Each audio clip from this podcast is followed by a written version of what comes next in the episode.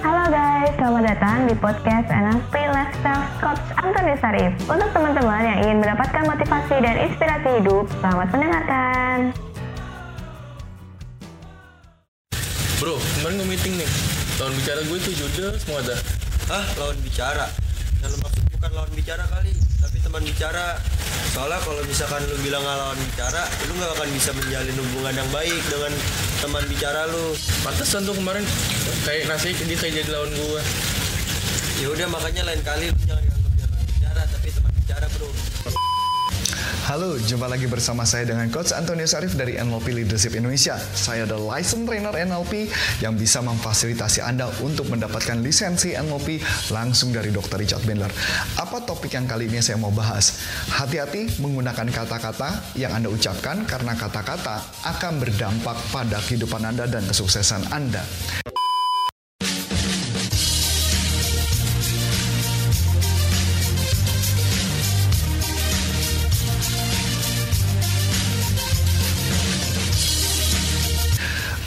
Mau dibahas lebih dalam? Begini, saya menemukan banyak orang yang melakukan penggunaan kata-kata tertentu yang kadang tidak membuat dirinya berdaya. Kata-kata yang disampaikan cenderung kata-kata yang sebenarnya mungkin kelihatannya keren, kelihatannya seakan-akan itu cool, tapi itu membuat jadi problem. Kata-kata apa? Yuk kita bahas. Kata-kata yang pertama adalah ketika kita berbicara dengan orang lain, ada banyak orang yang mengatakan kalau misalnya saya berbicara dengan seseorang, itu disebut katanya lawan bicara. Nah, can you imagine lawan bicara itu artinya apa? Berantem dong, lawan, kan? Nah, secara NLP itu tidak tepat kalau kita mengatakan lawan bicara. Maka yang terjadi kalau lawan bicara artinya apa? Harus ada yang menang, namanya lawan, betul nggak? Jadi A, A atau B yang harus menang, namanya lawan. Nah, kalau kita bicara NLP, kita harus bicara secara selaras atau equal, sejajar. Berarti kata yang tepat digunakan adalah teman bicara, bukan lawan bicara. Teman. Can you imagine kalau teman berarti artinya sahabat? Teman itu berarti dekat. Maka hubungannya akan harmonis dan hubungannya akan bagus. Nah, itu contoh kata. Kata lain, saya juga uh, agak sedikit uh, aneh kalau mama Anda mendengar kata-kata tertentu ketika Anda mendengarkan. Coba kalau mama Anda mengucapkan coba Anda dengarkan kalimat itu coba dirasakan dalam hati efeknya apa kalimat itu? Coba yuk kita coba. Bagaimana dengan kata kalimat survive?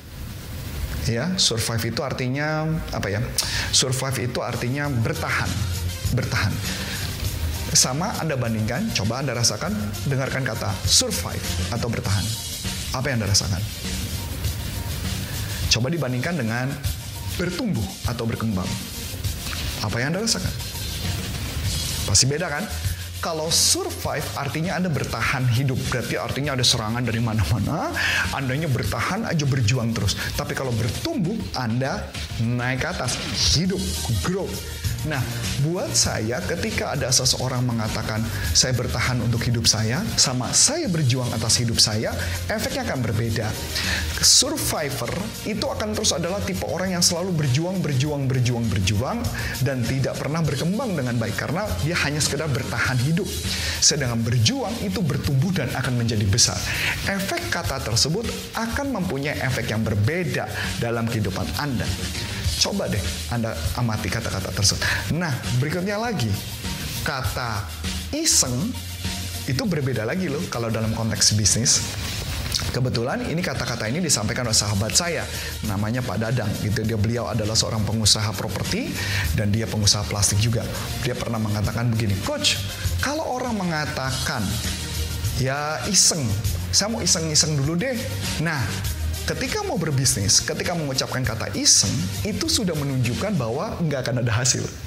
Berbeda mengatakan, saya mau seriusin bisnis ini, atau saya mau berkembang bisnis ini, atau saya mengizinkan dan memutuskan untuk bisnis ini.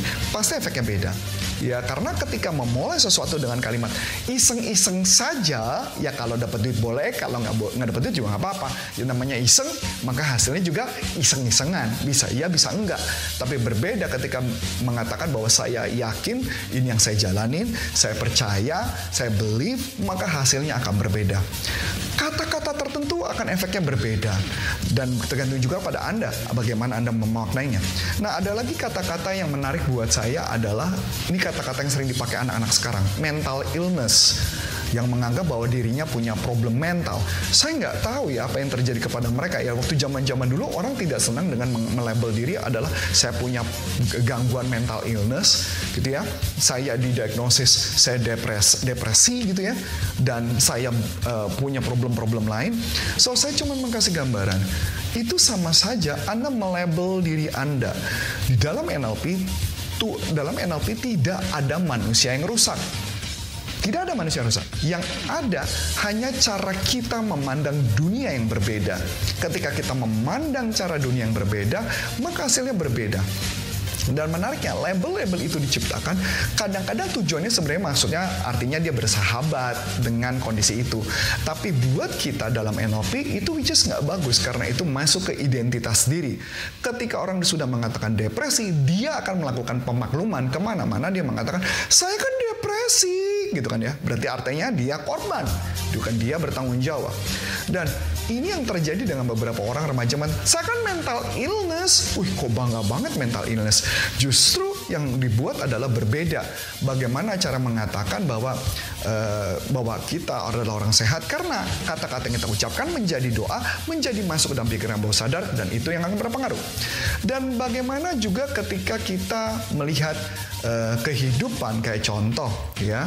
Kalau ada orang contoh kita tahu Thomas Alva Edison, Albert Albert Einstein dan banyak orang-orang hebat lainnya yang saya temukan mereka punya problem dengan autism bahkan mereka katanya dengar beberapa orang mengatakan di autism. Tapi menariknya adalah mereka tidak percaya bahwa mereka autism. Mereka percaya bahwa mereka hanya berpikir dengan cara berbeda. Kalau mereka percaya bahwa mereka autism, maka mereka mungkin bisa saja menjadi problem ya beda ya kalau mama dia autism dan dia bangga dan kemudian dia berhasil karena yes because we are because I'm the autism so artinya kenapa saya beda dan saya hebat itu karena saya autism itu masih oke okay. tapi kalau dia jadi autism dan kemudian dia menjadi korban so which is ini nggak bagus jadi untungnya Thomas Alva Edison tidak mendengar gitu ya. Thomas Alva Edison tidak mendengar. Thomas Alva Edison uh, apa Albert Einstein tidak mendengar kalimat itu. Dia percaya bahwa dia berbeda, cara berpikirnya beda.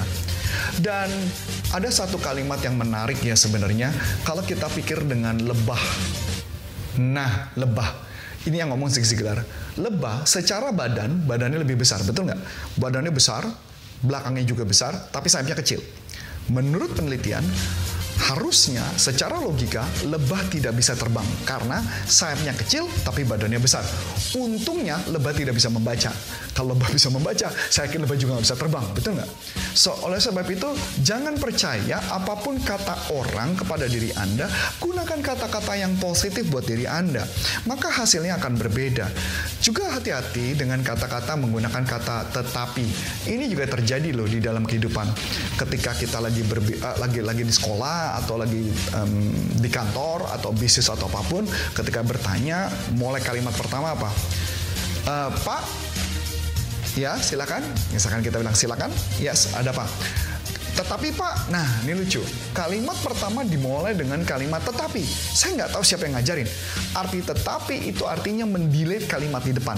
Artinya orang yang diajak ngomong ketika mendengar kalimat tetapi, maka dia otomatis merasa di reject otomatis hasilnya nggak akan bagus.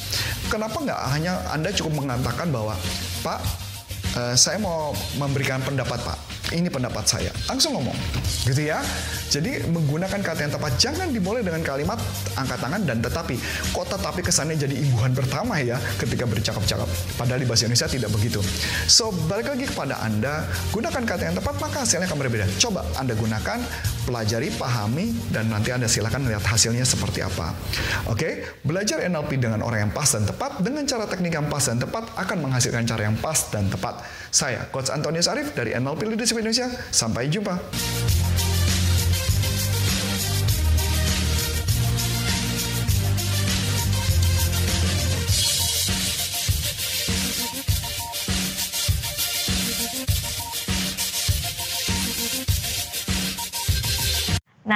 Teman-teman yang sudah menerangkan, terima kasih ya dan nantikan podcast selanjutnya.